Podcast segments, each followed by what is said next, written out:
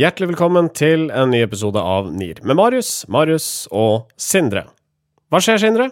Eh, hva skjer? Jeg har nettopp vært i Tyskland. Jeg skulle til eh, Frankfurt eh, her eh, tidligere i uka. Og så tok jeg feil fly. Jeg tok flyet til München isteden. Men eh, stoppa det der. Hvordan, hvordan kommer du deg på feil fly?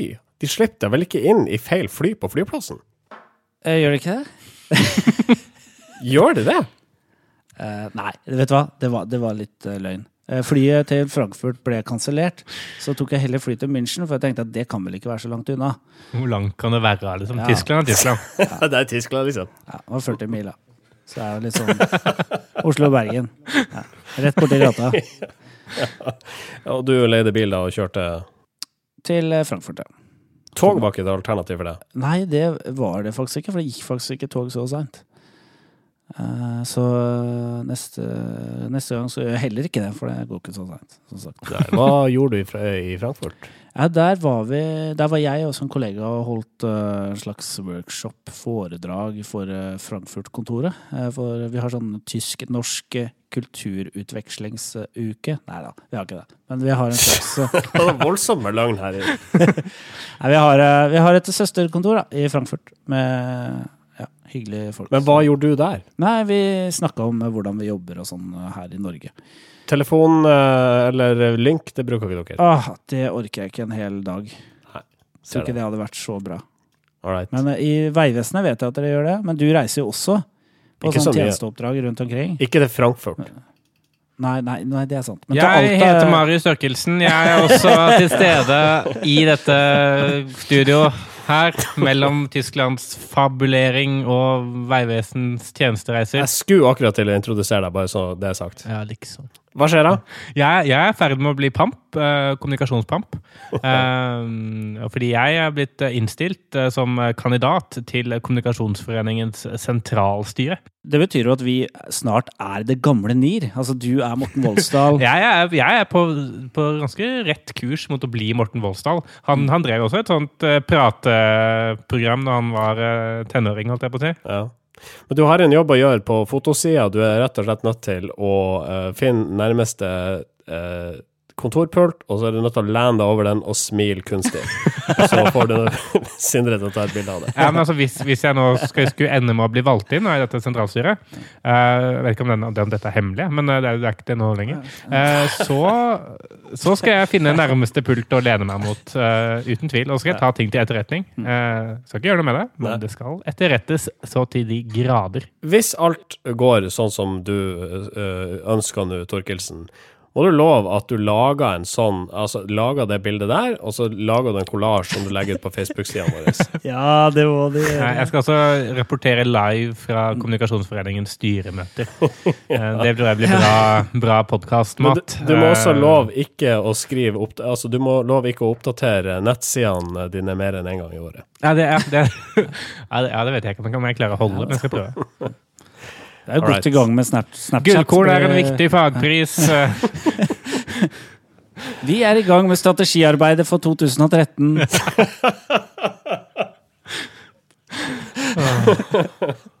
Alright, nå eh, nok om oss sjøl.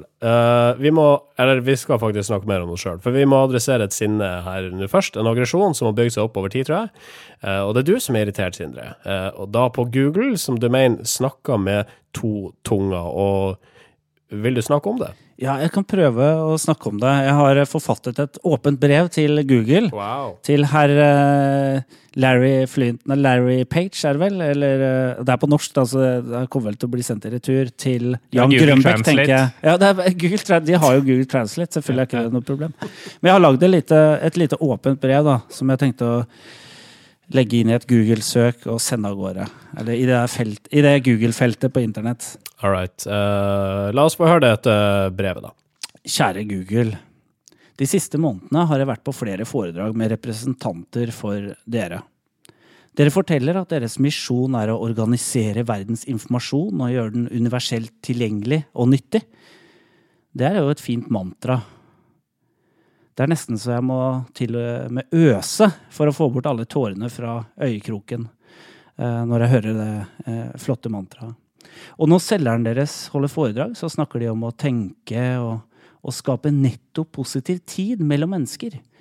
Og tenke på bunnlinjen i folks liv. For et fantastisk PR-grep! Og så utrolig hyklersk. Dere selger jo den støyen dere advarer mot. Dere lever at vi fyller hodene våre med drit, mens dere lager selvkjørende biler og luftballonger for sultne barn uten wifi i Afrika. Kom for faen ikke her og si at dere skal gjøre verden til et bedre sted. Begynn å snakke om det dere driver med, og ikke lat som dere driver en sekt som skal frelse verden. Kjære Google, prøv å være litt mer ydmyke. Snakk om det dere kan, og slutt med å spre bullshit i salgsforedragene deres. Det har vi allerede nok av på internett, takket være dere. Det er nå bare min mening. Smilefjes. Hilsen Sindre.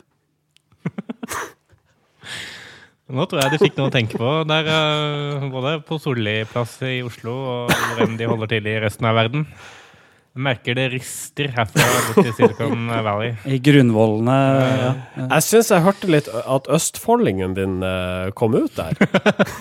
Jeg har også tenkt litt på det. Sånn, er han sint, eller er det litt sånn litt jovialt? Nei, faen, det må jo ta det på alvor. Betyr det at du ikke tok det på alvor fordi at det var østfoldsk? Jo da, eh, for så vidt.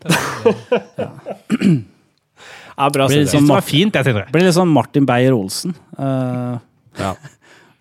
Ja, da. Eh, Parodi. Da tror jeg vi er nødt til å sparke i gang. Vi har ei saftig sending foran oss. Vi skal snakke både om oljeskurka Øystein Stray Spetalen, og vi eh, får eh, med oss en eh, ukas undersøkelse. Også, jeg sier hjertelig velkommen til Norske informasjonsrådgivere, episode 102. Norske informasjonsrådgivere. They took our job! They took our jobs! They took our job! They took our jobs! They took your jobs! They took your job! They took your job! En uh, klassiker av en soundbite der, uh, fra South Park, for å introdusere første stikk i dag. uh, hvor vi skal, skal ut i spådommens mystiske verden. Annonseselgere i mediehusene går ei dyster framtid i møte, i alle fall om vi skal tro en svensk rapport omtalt i Resumé. De risikerer nemlig at roboter tar jobbene deres. Også markedsførere og journalister må passe seg, ifølge det svenske magasinet. Nå vet ikke jeg hvor de har, hvordan de har kommet fram til de tallene som jeg nå skal presentere, for jeg har ikke lest rapporten, men det er 46,2 sjanse for at markedsførere mister jobben sine til datamaskiner innen 20 år, 18,9 sjanse for at det samme skjer med journalistene, og for selgerne, som da har havna i en sekkekategori av noe slag, 74,5% sannsynlighet for at jobbene ryker innen 2035. Vi var jo inne på det i forrige sending, for de som har lyst til å høre seg opp på den, eller har hørt den. Eh, Så snakka vi om Natt og Dag, som hadde lagd en sånn eh, formel for hvordan man kan skrive helgeportretter i eh, riksavisene, eller storavisene. Så der var vi jo innom på en måte en måte som kan automatisere journalistikken.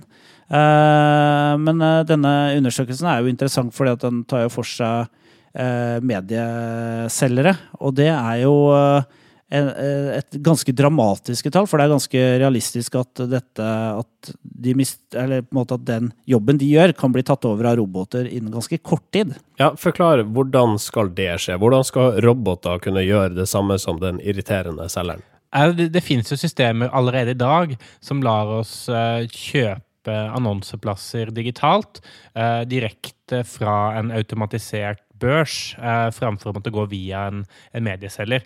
Eh, og Det betyr jo det at det mellomleddet som selgerne er, hvor de eh, er en slags sånn kontaktperson, hvor de måte, gir deg en pris, og så skal du forhandle på den prisen, og så vet du egentlig ikke hva andre betaler for, for, for de samme type visningene. Det leddet forsvinner fordi alt vil foregå på en børs, da, hvor du sier at jeg er villig til å betale x antall kroner for å få vist annonsen min en gang.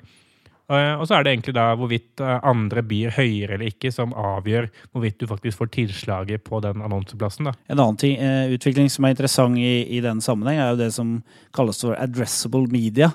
Som er en type annonsering hvor man annonserer i kontekst med det redaksjonelle innholdet. Det er eksempel hvis det er en sak på Dagbladet da, hvor de skriver om jakt, hvor det står 'jakt' i, i brødteksten f.eks., og at de, den type ord går igjen, så kan man da kjøpe seg plass eh, som annonsør eh, ved siden av de, eh, den type innhold. da. Den type annonsering har jo vist seg å ha en del eh, problemer knytta til seg. Eh, eksempel, Mann 19 drept med motorsag i Pennsylvania, og så er det da reklame for Einhell motorsag eh, på tilbud da på Coop Ops bygg. Jeg ser ikke problemet med det. Det er, det, det er også et eh, community, eller også en gruppe mennesker som er, har kjøpekraft. Så jeg skjønner ikke helt hvor du, hvor du vil med den. Innsigelsen La meg adressere et annet, altså et annet motargument her. Fordi at uh, altså, dere sitter jo i et eh, motargument, that is. For altså, i et mediebyrå så, så er man jo uh, kundens rådgiver når de skal ut og bruke penger. Hvem i alle dager skal fortelle virksomheten hvor skal vi putte pengene våre hen? Skal vi putte alle pengene våre i Google Ads? Skal vi reklamere på Facebook? Skal vi kjøpe en TV-annonse? Hvem skal gjøre det hvis uh, det er bare roboter og en børs? Altså, I en ideell verden da, så, finnes det jo et sånn overgripende system eh, som kan innhente data fra mange forskjellige kilder. Eh, og så vite da f.eks. at eh, 19 år gamle menn de, eh, de ser på TV2 Kanskje ikke på TV2 Bliss, men de ser på TV2 Sebra eh, og leser eh, vg.no spillseksjonen. Og så sier man jeg vil bare kjøpe 19 år gamle menn. Ja, så, så gjør dette systemet og børsen dette automatisk på tvers av TV og eh, nett og utendørsflater. Etter hvert så er det bare roboter som selger ting til roboter, for vi gidder ikke å kjøpe ting selv heller. Eh, Vi gidder ikke å annonsere noe mer, for vi lar robotene ta, seg, ta hånd om annonseringa. ja, ikke sant? Så kan vi gjøre ting som er gøy, da. Kjøp en Einhell motorsag, tilbud 1295 på cdon.no. Ja, for Eh, hvis, altså- hvis for, forbrukere på andre siden måtte setter opp kjøpsløsning hvor man liksom man bare sier at jeg, vil, jeg er villig til å betale 1500 kroner for motorsalg, så når den kommer på tilbud, så bare kjøp den automatisk. automatisk. Eh, og så kan jo da liksom alle bare Ja, da foregår alt automatisk. Vi får ikke vite engang hva som blir kjøpt. Det er bare sånn Ja, jeg har, jeg, jeg har 10 000 kroner her, jeg legger de bare borti der, og så går det noen dager, og så Ja, det er jaggu meg kommet et par ski. Ja, ja ikke sant? Ja, ifølge robotene så Ja, det, det, behov er, for det er det. er forbrukssamfunnet 2.0. Du vil bare forbruke uten å vite hva du kjøper. Så er det en annen formel som regner ut hva du trenger. på en måte. Og du trenger melk. Ja, ok. Det visste jeg ikke. Ja, Da kjøper jeg melk. Ja. Oi, da ble jeg full, gitt. Ja, ja, men det var det jeg skulle, da. Det var roboter ville jeg skulle bli. Men en, en annen ting som er interessant med den lista, er også at det er en, det er en, ganske, en relativt overraskende høy sjanse for at eh, journalistene blir eh, robotisert, eller automatisert. Eh, og det finnes jo allerede i dag en del, eh, en del roboter som skriver eh, journalistiske tekster. Sånn, eh, spesielt sånne børssider og sånn i DN, Finansavisen osv. er jo skrevet i stor grad av roboter, fordi eh, det er jo veldig sånn standardiserte tekster, hvor det er bare noen fraser som går igjen, og så er det noen prosentpoeng her, her, og der. Men altså, de selgerne som eh, For å gå tilbake til selgerne. Altså, de selgerne som er villige til å jobbe eh, utelukkende på provisjon, altså, de vil jo fortsatt eksistere. For altså, det er jo slik at jeg kan gå og kjøpe meg en tuner på kanaldigital.no. Eh, likevel så ringer de meg hit og ønsker å selge meg denne tuneren som jeg vet jeg kan få tak i. Og enda verre, tran. Det får du kjøpt i butikken, men allikevel så ringer de. Ja. Jeg har aldri blitt oppringt av transelgere før, men uh, Har du ikke det? Nei! Fri Nei, det er ikke flyt. jeg heller. Men folk liker jo tydeligvis da å snakke med, med andre mennesker i Ja. visse situasjoner. Ja, det, og- det er jo det er jo en ting som man ikke skal undervurdere, at mennesker foretrekker mennesker fremfor roboter. Ja. Eh, Hvorfor Har liker du oss ikke, Marius? Liker du ikke tran vi har å tilby deg? Nå prøver jeg å overbevise deg om at du skal kjøpe tran til 990. Altså, er Første ikke pakka er gratis, deretter løperabonnement i tolv måneder, deretter kan du si det Det slår meg for øvrig mens jeg driver med disse robotimitasjonene mine her, at altså, det er jo ingen grunn til å tro at robotene skal prate på det her viset. Altså, vi Nei, snakker om en framtid der de blir smartere enn oss, men likevel prater de slik. Det er jo Jeg er helt merkelig, jeg har alle Jeg har bare menneskelige egenskaper, men stemmen min er fortsatt ikke spesielt menneskelig. Jeg kommer bare på en annen person som prater på dette viset som jeg prater, og han er dessverre ikke i live lenger. Nå så jeg også at fotomodeller, der er det jo 98 sikkerhet at eh, de vil bli tatt over av roboter. Og det skjønte ikke jeg helt. Ja, ja, men, det, det er det at man bare tegner dem istedenfor altså, De må jo redigere dem så mye uansett. og De kan, det er like billig å bare lage et menneske holdt jeg på å si, fra som å, som å, som å ha et ekte, ekte menneske og så Ja, ja. photoshoppe det. Du skal jo bare ta bilde av det. Det er sant. Ja, ikke sant? Ja, det bør skje. Det skjer. Lykke til i mediebyrået deres, da. Eh, Jeg, jeg tror veier også blir erstatta av roboter i fremtiden. Det nekter jeg å tro. Norske informasjonsrådgivere. Ben Van Burden han er sjef i Shell, og han mener at oljebransjen har fått for mye tyn i offentligheten. Kullselskapene er mye verre enn de som driver med olje, sier han til Dagens Næringsliv, og nå vil han skurkestempelet til livs. Han vil det. Eh, Ben van Burden, som eh, du så fint sa, han eh, er jo sjef i Shell, som er et av verdens største oljeselskaper. Altså, liksom, nå har han fått nok, og mener at nå har vi fått nok tyn i offentligheten. For han mener at eh, folk er feilinformert om eh, hvilken rolle oljeselskapene spiller i velstandsutviklingen i verden. Han sier f.eks. at eh, eh, 1,3 milliarder mennesker ikke har tilgang til elektrisitet. Og det er eh, noe som oljebransjen kan eh, hjelpe til med. Og det er jo sant. Det er jo sant. Uh, og han sier noe interessant også. Det, det er noe med at uh, de blir sett på som dinosaurer, sier uh, han eh, van Borden. Og det er jo ikke så rart heller, når de driver med fossil energi. Åh, det var gøy. Var det standup? Ja, det var veldig bra, faktisk. Det var sånn Knut Nærum-vits, det der. Ja, det var kanskje. Det var det. Men eh, det Jeg har lyst til å lese navnet hans som van Byrden, jeg. Eh, Van Byrden, ja. Det kan ja, fort være det. Ja.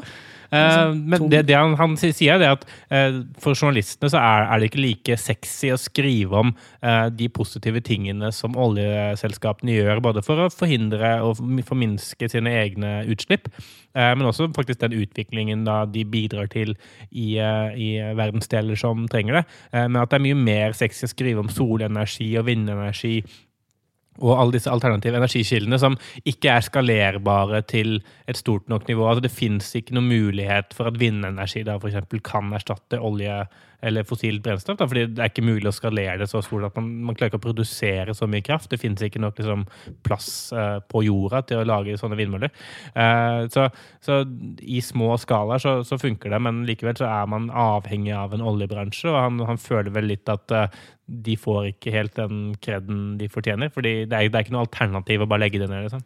Det Shell sier, da, det er at de, de kommer ikke fram i media med budskapene sine. De sier f.eks. at de sånn, bygd et sånt karbonfangstanlegg som eh, tilsvarer 170 000 biler. Vil si at eh, de på en måte har fjerna utslipp av 170 000 biler. Og det er ganske massivt, da. Men det her vil ikke mediene skrive om, sier Skjell. Og så er det sånn der, En av de tingene han sier i denne artikkelen, som er sånn der Er det et uh, valid argument, egentlig? Og da Han sier at jo, men uh, kullbransjen de er mye verre. Altså, det, altså, jeg, det er ikke det at liksom, oljebransjen er de verste som finnes, men de er ikke spesielt bra for miljøet. Altså, I den ideelle verden så hadde vi ikke trengt olje. Og så er det jo spørsmålet da, som sikkert oljebransjen føler på, og som det er veldig vanskelig å få med seg mediene på, er det at ja, men vi, vi trengs jo. Ja, ikke sant? For det, det han egentlig sier, det er at uh, vet ikke at vi er et nødvendig onde. For at fornybar energi klarer ikke å erstatte oss.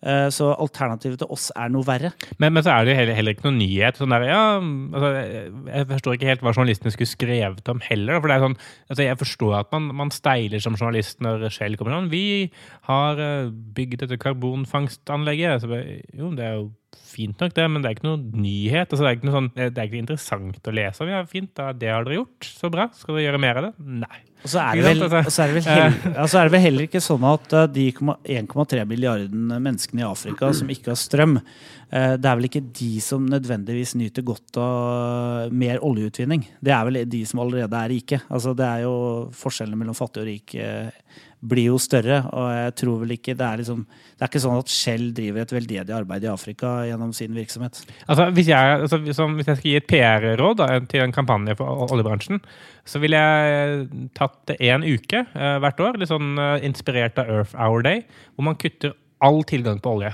Så får de se hvordan det er. Masse presseoppslag. Viser tydeligheten av rollen oljebransjen har i samfunnet. Og folk får reflektert litt eh, rundt hvor, eh, hvor jævla bra disse vindmøllene egentlig er. Norske informasjonsrådgivere. PR-bransjen forstyrrer den frie presse, det mener investor Øystein Stray Spetalen, som har snakka med nettstedet Medier24. Han sier at bransjen, som han da har valgt å kalle den femte statsmakt, må pålegges å legge frem fullstendige lister over hvem de jobber for, og hva de har gjort, og hvor mye det har kosta. Ja, eh, Øystein Stray Spetalen hadde jo sin første dag eh, i PFU denne uka. Eh, Han er jo, han er jo vara for Erik Schenken, denne ambulansesjåføren som fikk så kjeft for noen år siden. Og han begynner jo da sin PFU-karriere med å finne hva er den videste døra som finnes, og hvordan kan jeg sparke den inn? Eh, jo, det er eh, mer PR-bransje og mer åpne kundelister, det. Eh, og, det, det er sånn, og det får han omtale på. Da. Sånn, altså, det er sånn derre Hvorfor i all verden velger Medie24 å skrive dette? Det er sagt som 28 000 ganger før. Eh, og så kommer Øystein Stray spitalen og vandrer inn som en turist i PFU, og så får han omtale på det der. Det syns jeg, jeg er tull. Han jo, har vært veldig kritisk til pressen tidligere. Han oppretta et sånn medieofferfond skulle, hvor pengene skulle gå til folk som var offer for medienes omtale. Og nå har på en måte han blitt, eh, fått lov til å sitte i PFU. Eh, og dermed, ja, vips, så er han kjempepositiv til pressen. For han mener at eh, vi er helt avhengig av en, eh, en fri presse eh, som kan skrive det de vil. Så her har jo gjort en eh, slags uh, kuvending, er det det heter? Ja. Eh, og plutselig blitt eh, kritisk til PR-byråene, sånn oppskriftsmessig. eh, han selvfølgelig da er, for det er også, det er jo også alle andre journalister. Og ikke nok med det, han er også skeptisk til at kommunene bruker altfor mye penger på eh, PR-råd som ikke fungerer. Som også er en utrolig åpen dør. Jeg syns han bare burde sendes hjem. Han burde ikke få lov å komme tilbake igjen. Han sier at PR-folk kan være nyttig i krisesituasjoner, da. F.eks. For eksempel når du blir utsatt, utsatt for et angrep i media og mister herredømme over situasjonen. Da er det greit. Men er, altså, ikke eh, PR-råd ment å gi kontroll i situasjoner der du mister nevnte herredømme over en situasjon? Jo, eksempel når du slår til en eh, VG-fotograf som står utenfor huset ditt, eh, som jo nevnte Streisbetalen gjorde, da er det jo greit å ha en PR-rådgiver som nei, han var full eller dum eller et eller annet. Sånn, det var en grunn til at han gjorde det som han gjorde. Tommel ned for Streisbetalen. Ja, vet du hva. Ni av ti nordmenn elsker Et representativt utvalg av nordlendinger viser at Sørlendinger mest skeptisk til Volvo. hordalendinger best i senga. Kvinner mest opptatt av mild. Oppland på brokkolitoppen. Ukas undersøkelse. Ja, Oppland er på brokkolitoppen ifølge en undersøkelse vi fant på for en stund tilbake. Men uh, Torkelsen, du tar TV 2 omtalte den. Det var alltid eh, vårt institutt det, som eh, fant ut det. Men de uh, undersøkelsene som vi omtaler i selve spalta, når vi ser bort fra jingeren, de er høyst reelle. Marius Torkelsen. Det stemmer. Nå er det sikkert ikke så mange som aldri har hørt dette her før, men jeg skal bare kort recappe hvorfor vi gjør dette. Fordi hvis du er en PR-rådgiver og tenker hm, hvordan skal jeg få omtale? Ikke noe å lure på. Redningen er nær. Bare gjør en undersøkelse som viser at noen synes noe, noe mer enn noen andre. Og da får du omtale med én eneste gang. Eh, hvis kvinner f.eks. liker mikrofonstativer bedre enn menn. så bruker jeg eksempler fra rommet rundt meg for å, for å være pedagogisk. Eh, Det var en veldig snever undersøkelse, må vite. ja. Det melder eh, Ludia Lydia. Eh, men uansett, altså, vi, vi går jo gjennom uh, jevne mellomrom, eller ujevne mellomrom, så går vi gjennom uh, uka som har gått, og ser er det noen undersøkelser som har vært på trykk, og så prøver vi å diskutere litt hvorfor har disse vært på trykk, og hva ønsker avsender å oppnå. Hvordan, altså, og du gjør det jo på forskjellige måter fra uke til uke. altså Av og til så har vi en topp tre. Her Forrige gang vi hadde den, så mm, holdt det å snakke om Geberit i syv minutter. uh, hva har du til oss denne gang?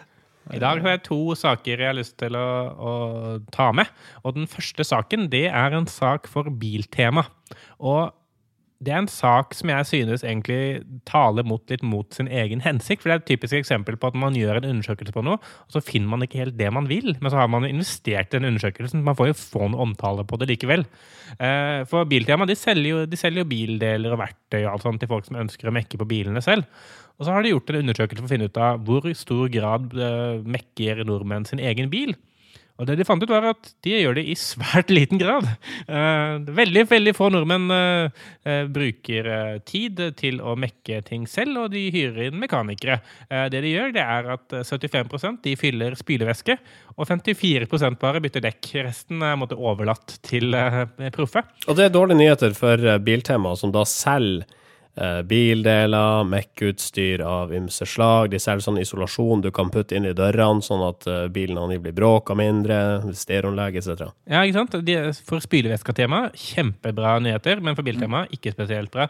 Eh, og han eh, som eh, står bak denne undersøkelsen, eh, en som jeg burde vite navnet på Det bare står bare Biltema sier en pressemelding. Okay. Robotene er tatt over der òg, altså. Ok, så Biltema sier noe i pressemelding. Hva sier Biltema i pressemelding?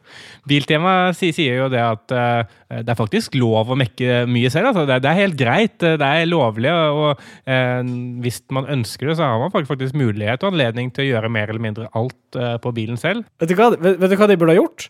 Altså, her er det klart eh, eh, Nå er ikke jeg den eh, konservative, safe rådgiveren. Nå er jeg den som virkelig tar sjanser.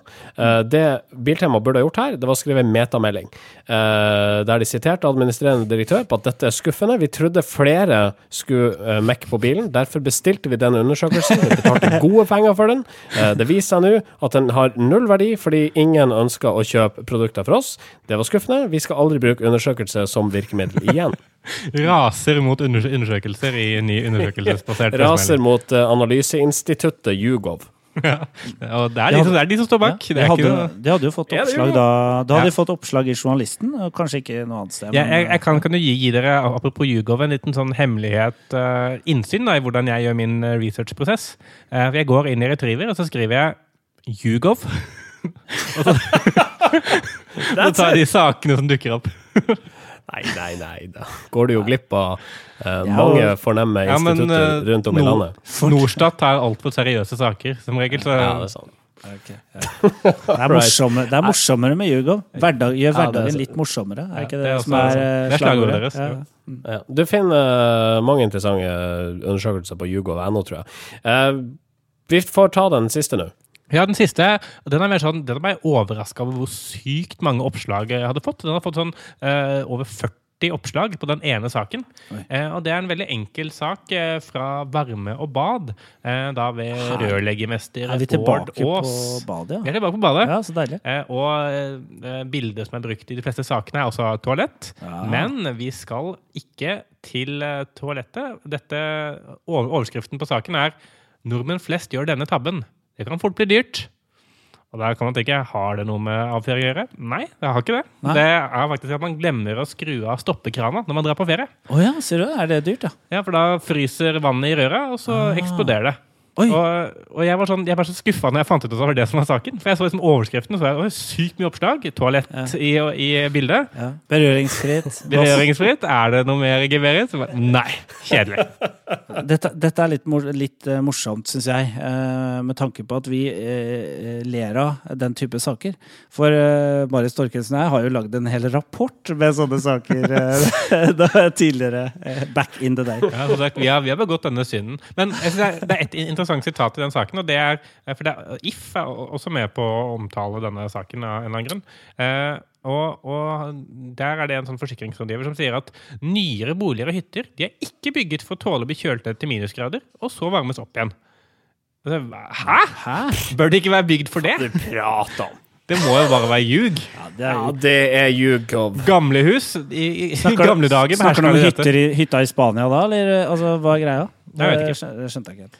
Hvis du har nytt hus eller hytte, På du er fjellet. fucked. Ja, på fjellet. Minusgrader på fjellet, du er fucked. Ja. Det er noe forbanna tull, eh, men sånn er det med undersøkelser. De har høyt gjennomslag i norsk presse. Takk for orienteringa, Marius. Vær så god. Norske informasjonsrådgivere. Ikke gjør dette. Skuespiller Patricia Arquette fikk seg en pris under helgas Oscar-utdeling, og brukte taletida si eh, på å snakke om likelønn mellom kjønnene, og det fikk hun også applaus for.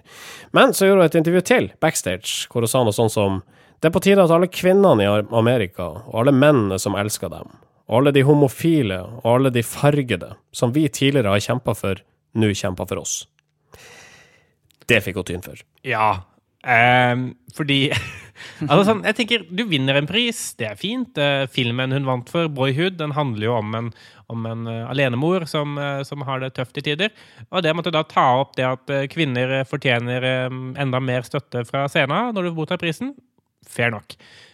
Men så når du begynner å sette liksom sånn, kall det svakerestilte grupper, eller grupper som fortrenger støtte, opp mot hverandre for å belyse et poeng, så nå føler jeg vi har gjort nok for liksom, de fargete og homofile. Nå har de det bra. Nå er det kvinners sin tur. Det gode poenget du har gitt og gjort, det, det forsvinner da, når du, når du legger opp til en sånn kamp som altså Selv om kvinner sikkert også blir behandlet veldig urettferdig i mange tilfeller, så er du dømt til å tape, da, for du har ikke hatt det verst. Nå er det på tide at alle barn i Afrika vis litt takknemlighet for at vi fikk noen til å lage We Are The World. Stå opp for undersøkte kvinner i Vesten. Det er det. Ja. fin eh, parallell der. Eh, nei, altså Det er på tide at barn i Afrika begynner å se til Syria, eh, hvor ille de har det der. Eh, så om de, eh, ikke sant? om de sulter i hjel i Afrika, er ingenting mot den lidelsen som barn i Syria opplever. Så stå opp for dem isteden. Eh, gå i demonstrasjonstog, og, og glem deg selv litt. Og hele det afrikanske kontinent er nå nødt til å få seg planfaddere i Syria. Så det, det, blir, det blir sånn pyramidespill, egentlig. Vi sender en viss sum dit, og så tar de en køtt av den og sender den videre. Og så man verver folk under seg. igjen. Jeg, vet ikke, det, jeg tror ikke det er ideelt. Så får den hvite kvinnelige middelklassen restene når den har gått hele karusellen. En sånn pyra pyramideofring. Ja, sånn i Syria. Bli fadder for en hvit kvinnelig middelklassekvinne i dag. Så er det et bilde av Patricia Arquette som reiser seg og setter seg ned igjen. fordi hun har ikke styrke Jeg til å- er middelklasse, sier Patricia Arquette. Hver dag må jeg kjøre opptil flere minutter til butikken for å handle melk. Patricia får ikke hjelp av en mann, og tjener 20 000 kroner mindre i måneden Ja. Enn sine kolleger. Nei, altså, jeg føler nå, nå får vi også kjeft. Det var ikke det som var poenget med dette stikket. Det var egentlig bare det at eh, når du har en sånn talerstol som det å vinne en Oscar-pris er, så ikke rot den bort på å lage teite sammenligninger som du bare får kjeft for. Ukas kudos. Kudosen går til dette lands statsminister Erna Solberg. Hvorfor det? Jo, Erna Solberg fikk en del skryt denne uka fordi hun eh, viste seg fra en eh, menneskelig side. Og det gjorde hun, for hun la ut et eh, bilde mandag kveld av en middag som hun deltok i sammen med innvandrerkvinner. Og så ble det selvfølgelig en eh, debatt i kommentarfeltet under dette bildet. Eh, mye av de gamle liksom, trygdebeistene kom fram og klagde på inn innvandrere osv. Eh, men i tillegg var det en som kommenterte det at Erna Solberg hadde en skrivefeil i eh, den teksten hun hadde lagt ved bildet. Eh, og Erna Solberg eh, hun fikk bl.a. kritikk fordi at hun ikke har assistenter som kan hjelpe henne med å skrive riktig, og, og som kan sjekke at de ting, tingene hun skriver på Facebook, uh, unngår feil. Og så svarte hun på det ganske enkelt ved å si det at uh, jeg har dysleksi og skriver selv. Og det, det fikk hun mye skryt for, fordi hun eh, innrømte eller hun har kanskje nevnt det før også, men hun eh, påpekte dette med dysleksien. Og samtidig så var hun veldig tydelig på at det var uaktuelt for henne at noen andre skulle skrive noe for henne. Eh, og det ble jo hyllest, det, i raushetens ånd, ledet av Katrine Aspaas. Så, så ble det så mye hyllest at hun fikk nok litt ekstra gode meningsmålinger denne uka. Jeg vil bare påpeke at vedkommende som kritiserte Erna på Twitter, skrev da følgende Litt pirkette, men synes Norges statsminister bør ha assistenter som kan skrive korrekt norsk. Ja, men kudos eh, for en menneskelig side fra en statsminister som tør å innrømme at hun eh, har dysleksi, og det er helt greit. Ja, da har vi vel egentlig dekket det aller meste av det som har skjedd eh, i uka som eh, har gått, skulle jeg tro. Jeg har i hvert fall ikke noe mer å prate om nå. Jeg er sliten. Jeg. Jeg er sliten, sliten. Jeg eh, gleder meg jo litt over at TV 2 har fått tilbake eh, sportsrettighetene for Tippeligaen til sin egen plattform. Hvorfor det? Fordi Seymour, Ja. det er det verste jeg har hørt om når det kommer til TV.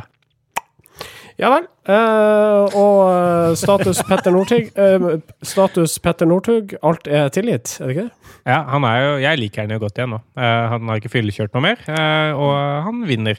Gull. Ja. Det er bra. Du finner oss på facebook.com slash nearcast. Du finner oss på soundcloud.com slash nearcast. Du finner oss i iTunes Store, men du finner oss også i alle andre uh, podkast-apper som sogner til det samme arkivet som iTunes bruker.